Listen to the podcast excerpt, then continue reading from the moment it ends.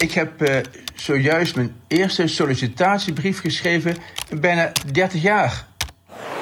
Ik denk dat ik in mijn sollicitatiebrief naar ms.nl ga schrijven dat ik MS heb. Ik maak me zorgen. Ik wil niet weg bij Omroep Brabant. Wat nou als ze me uitnodigen voor een gesprek?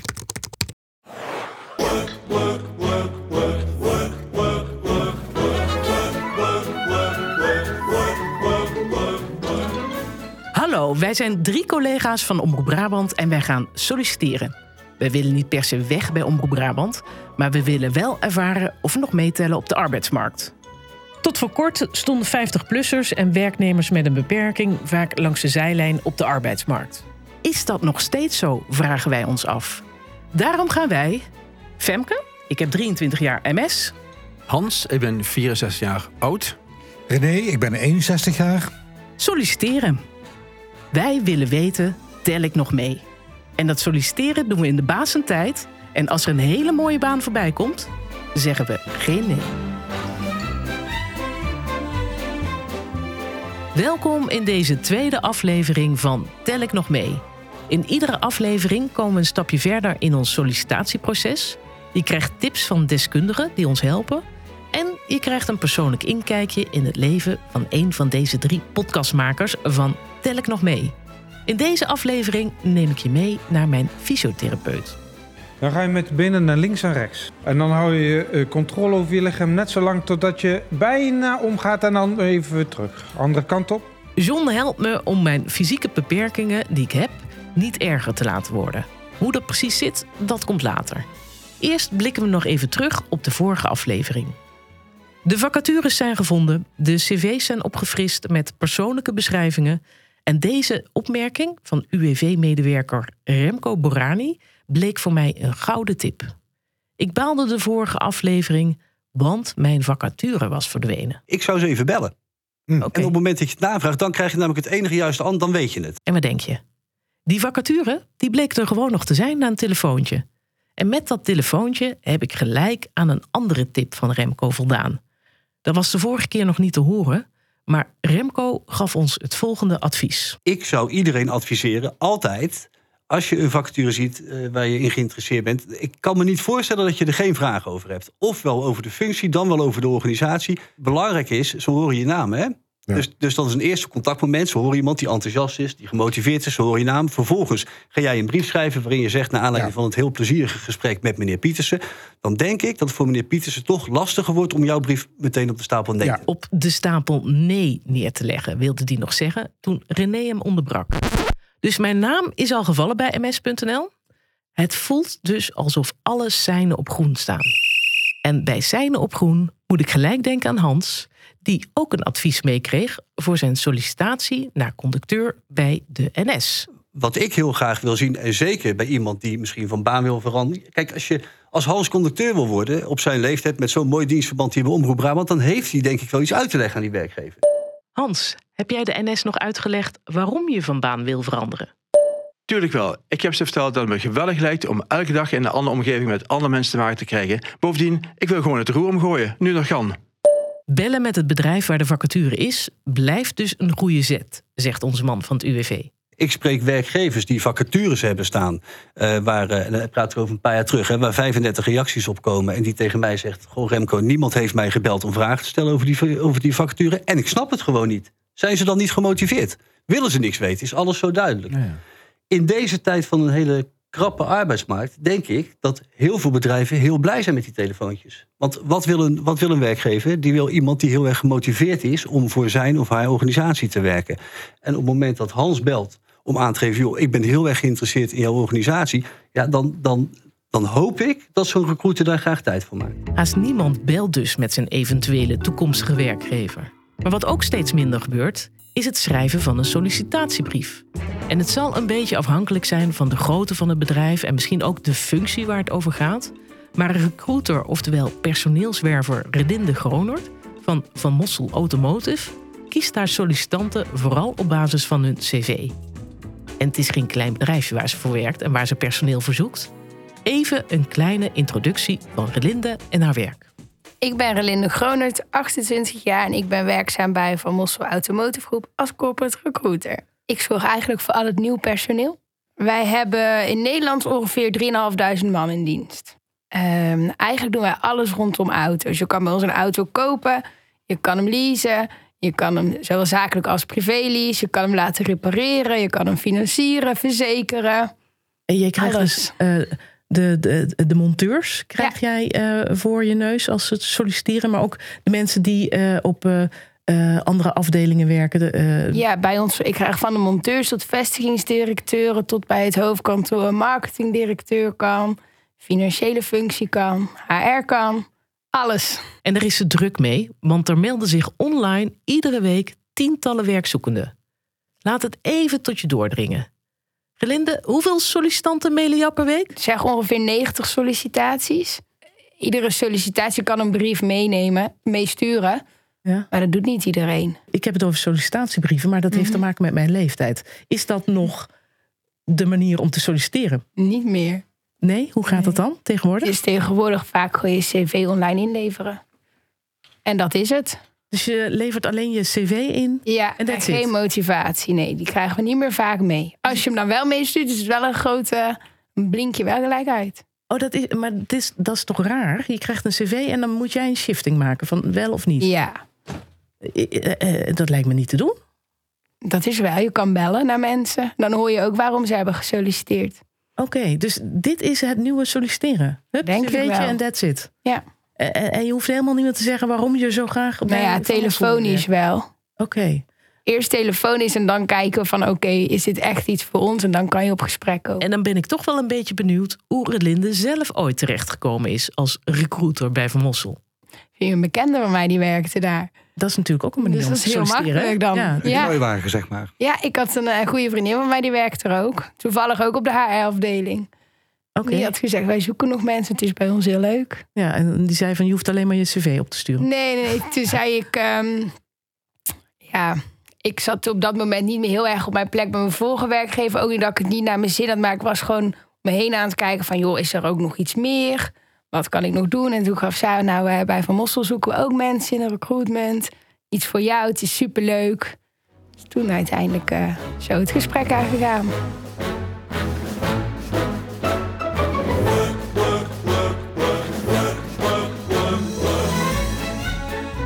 En dan komen we toch bij het puntje sollicitatiebrieven.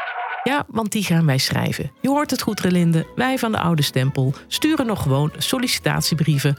Of zoals jij zegt, motivatiebrieven. En dat sturen, dat doen we dan niet meer per post, maar dat doen we natuurlijk per mail. Geachte meneer, mevrouw. Mijn naam is René van Hoof. Ik ben een zeer ervaren journalist voor radio, televisie en tegenwoordig vooral internet bij Omroep Brabant. Door mijn jarenlange Relinde kreeg de hele brief te lezen. En was het deze keer weer een wat korte brief? Zoals eerder onze UWV-man onze cv's wel erg sumier vond? Ik vond het een leuke brief om te lezen, vooral ook omdat hij niet te lang was. Dus kort en bondig. Oh, Sumier heeft plaatsgemaakt voor kort en bondig. En dat klinkt toch ineens een stuk positiever. Je snapt, René is helemaal opgeveerd en hangt aan Relinde's lippen.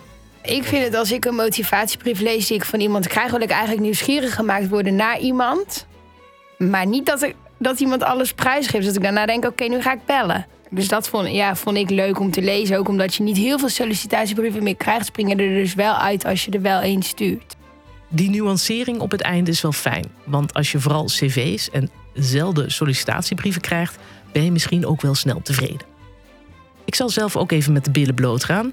Ik zal een stukje voorlezen uit mijn sollicitatiebrief naar ms.nl. Ik zag jullie vacature voorbij komen voor medisch redacteur voor ms.nl. Ik werk al ruim 23 jaar voor Omroep Brabant naar volle tevredenheid. Eerst als verslaggever, tegenwoordig als bureauredacteur. Zonder overdrijven kan ik bij alle wensen voor de gezochte redacteur bij alle onderdelen een vinkje zetten. Alleen werkervaring met CMS-systemen ontbreekt. Dit is dus een sollicitatiebrief van het schaap met de 4,5 poot. En dan heb ik nog een kersje op de taart, of misschien wel kersjes. Ik heb ook al ruim 22 jaar MS. Buitenstaanders hebben het niet zo door, maar ik heb natuurlijk wel mijn dingetjes. MS leeft in onze familie. Mijn oom heeft 15 jaar geleden ook de diagnose MS gekregen. En mijn broertje kreeg twee jaar geleden te horen dat hij MS heeft. MS en de ontwikkelingen in de behandeling tegen MS hebben daarom al jaren mijn interesse. Ik ben erg benieuwd naar jullie ideeën en plannen. Het lijkt me heel inspirerend om hier onderdeel van te mogen maken. Met vriendelijke groet, Femke de Jong, het schaap met de 4,5 poot. Dat was dus mijn eerste sollicitatiemail in jaren. Ik heb dus in die sollicitatiebrief verteld dat ik MS heb. En in dit geval leek me het wel kunnen, maar in zijn algemeenheid. Is het nou goed om in je sollicitatiebrief al te schrijven dat je MS hebt? Ik vroeg het de werkgevers die in Den Bosch bij een congres waren over een inclusieve arbeidsmarkt. Dat betekent dus een arbeidsmarkt waarin werk is voor iedereen met al zijn gebreken. Ik ben Henry Verhagen, directeur-eigenaar van De Kroes. Dat is een bakkerij in eh, Kaaskokjes in het Brabantse Oosterhout. En uh, wij vinden inclusiviteit belangrijk. En daarom ben ik ook voorzitter geworden van de stichting Metwerk. En dat is een platform van bedrijven die elkaar willen leren hoe je het beste inclusief kunt werken. Nou, nu is dit een inspiratiedag. En ik heb al begrepen dat het uh, gaat om uh, kijken naar wat wel kan. Um, nu heb ik zelf 20 jaar MS, ruim. Um, ik ga solliciteren. Moet ik dat in mijn sollicitatiebrief zetten dat ik dat heb? Ja, ik denk het wel. En uh, ja, ik denk het wel. Als je bij mij solliciteert, zou ik het vooral doen. Maar ik ben heel eerlijk. Ik denk als je bij heel veel bedrijven solliciteert, dat ik je misschien ook wel moet adviseren om het niet als eerste te doen. Omdat we ook wel weten, we moeten ook eerlijk zijn, dat niet iedere werkgever bereid is om inclusiviteit mee te nemen in zijn oordeel. Ik doe dat persoonlijk wel, maar ik doe dat vanuit een persoonlijke drijfveer. Dus uh, voor mij, ik zou het heel spannend vinden om je op sollicitatiegesprek te hebben als ik dit lees. Oké, okay, mag ik een kaartje? Dat mag. Kom je dan ook echt? Ik ben even uit de uh, rumoer gestapt. Er zijn heel veel kamertjes hier in dat uh, congrescentrum.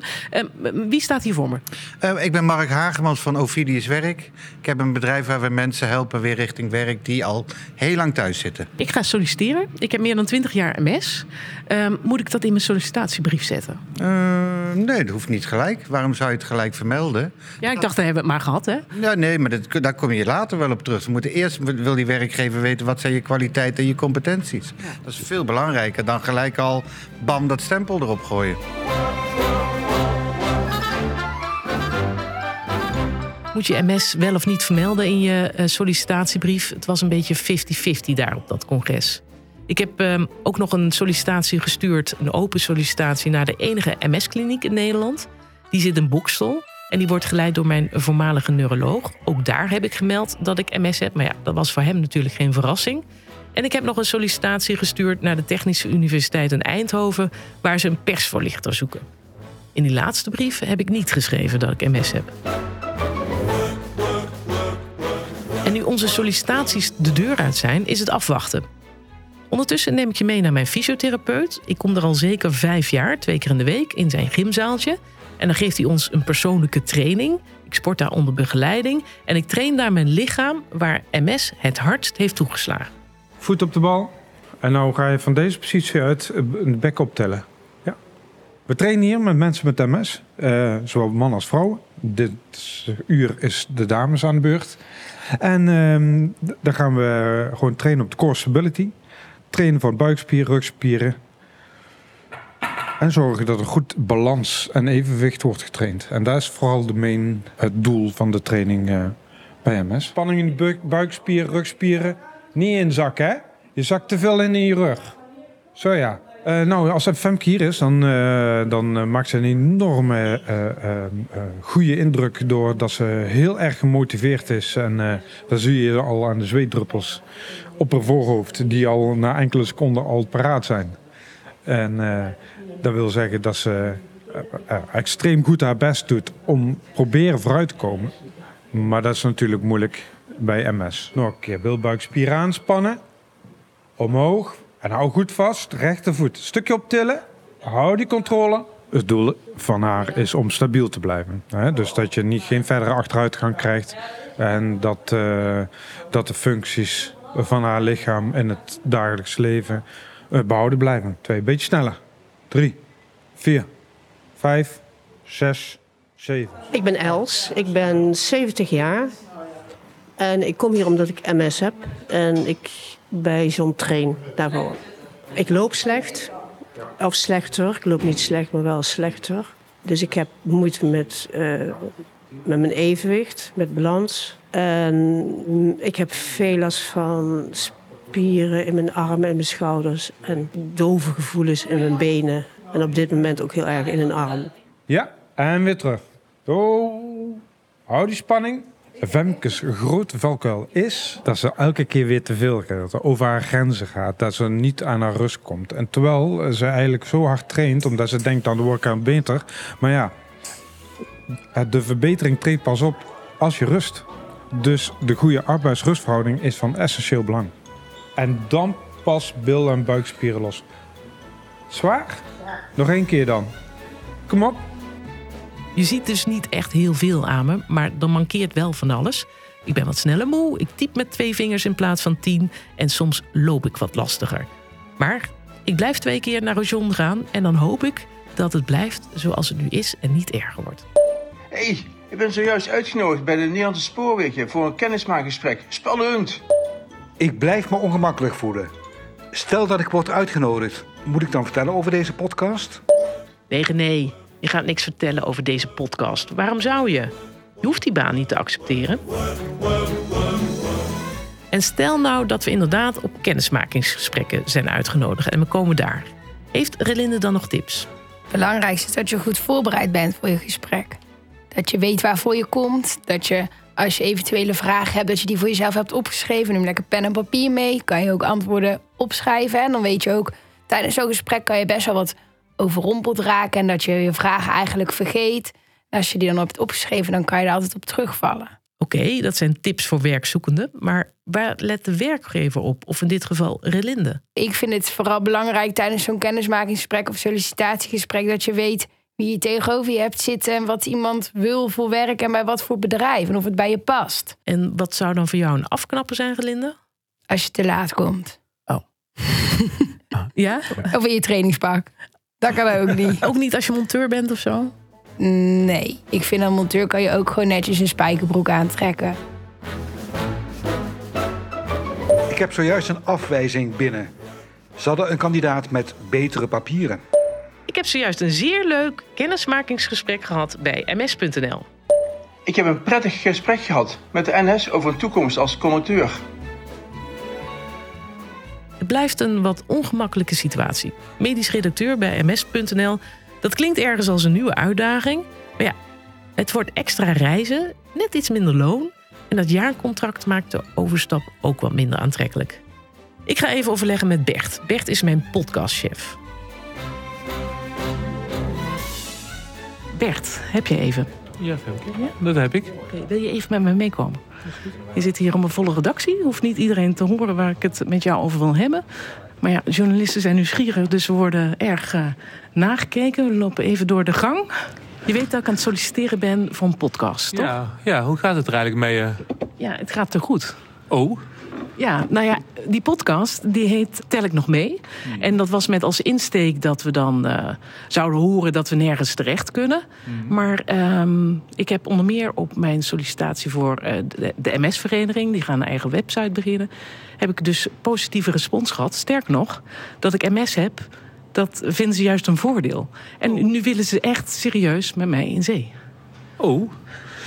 Dat was niet helemaal, niet helemaal de bedoeling volgens Ja. mij van het hele project. eh. Ja. Ik ben vooral benieuwd wat jij eigenlijk wil als persoon zijnde. Dus, dus ja, los van wat ik er als werkgever eh, van vind. Maar ik denk eerst, wat wil jij als, als persoon eigenlijk? eh? Punt is, ik denk dat ik het niet ga doen. Om, of vanwege Mhm. al dit soort bezwaren. Ehm, hoe moet ik dat meteen zeggen in het volgende gesprek? Of, of, of moet ik daar even mee wachten? Dat is aan, jezelf. Maar als ik dat zou doen qua solliciteren, zou ik eerst gewoon het gesprek ingaan van hé, hey, wat hebben jullie mij te bieden? En pas en dan sluiten we het gesprek af. En daarna zou ik me volgende week iets laten weten van hé, hey, zo denk ik er echt over. Nou goed, ik ga even aankijken hoe dat tweede gesprek verloopt bij ms.nl. En dan ga ik daar vertellen dat ik aanloop tegen dat salaris, dat extra reizen en dat jaarcontract. En hoe dat dan vervolgens afloopt, hoe ze daarop reageren, dat hoor je de volgende aflevering. En dan hoor je ook de directeur van Brainport Industries Campus, die in zijn vrije tijd 50-plussers aan werk helpt. En hij doet dat omdat hij zich enorm stoort aan de leeftijdsdiscriminatie. De werkgevers zullen het nooit opschrijven. Zullen, het- zullen ze ook nooit hardop zeggen. Ik denk dat het overgrote deel van de afwijzingen eh, teruggekoppeld krijgt. Wij hebben iemand gevonden die beter past bij de of die betere competenties heeft, eh, die beter past in het team, of die eh, gerichter of meer gemotiveerd de brief heeft gestuurd of ons wist te overtuigen. En hiermee zijn we aan het einde gekomen van deze tweede aflevering van Tel ik nog mee. Ik snap dat je heel nieuwsgierig bent naar hoe die kennismakingsgesprekken nou eigenlijk verliepen. Het was voor mij een beetje lastig en vooral ook heel ongemakkelijk om die gesprekken op te nemen, want dan had ik heel veel moeten uitleggen. Maar ik heb goed nieuws. Ik ben ook voor een kennismakingsgesprek uitgenodigd bij mijn oude neuroloog in de MS-kliniek in Bokstel. En de microfoon mag mee. En hoe dat dan ging, dat hoor je in een van de komende afleveringen. Deze podcast is gemaakt door Femke de Jong, René van Hoof en Hans Jansen. Wie weet is een van ons de volgende aflevering er niet meer bij, omdat hij een andere baan heeft. Het kan zomaar gebeuren. De eindredactie was in handen van Janneke Bos en Bert van Doorn. Techniek Jacques Ermes en Ronnie van Overveld. Heb je met plezier geluisterd? Geef ons dan een duimpje of een sterretje in jouw favoriete podcast-app. Heb je vragen en opmerkingen? Mail dan naar podcast.omroepbrabant.nl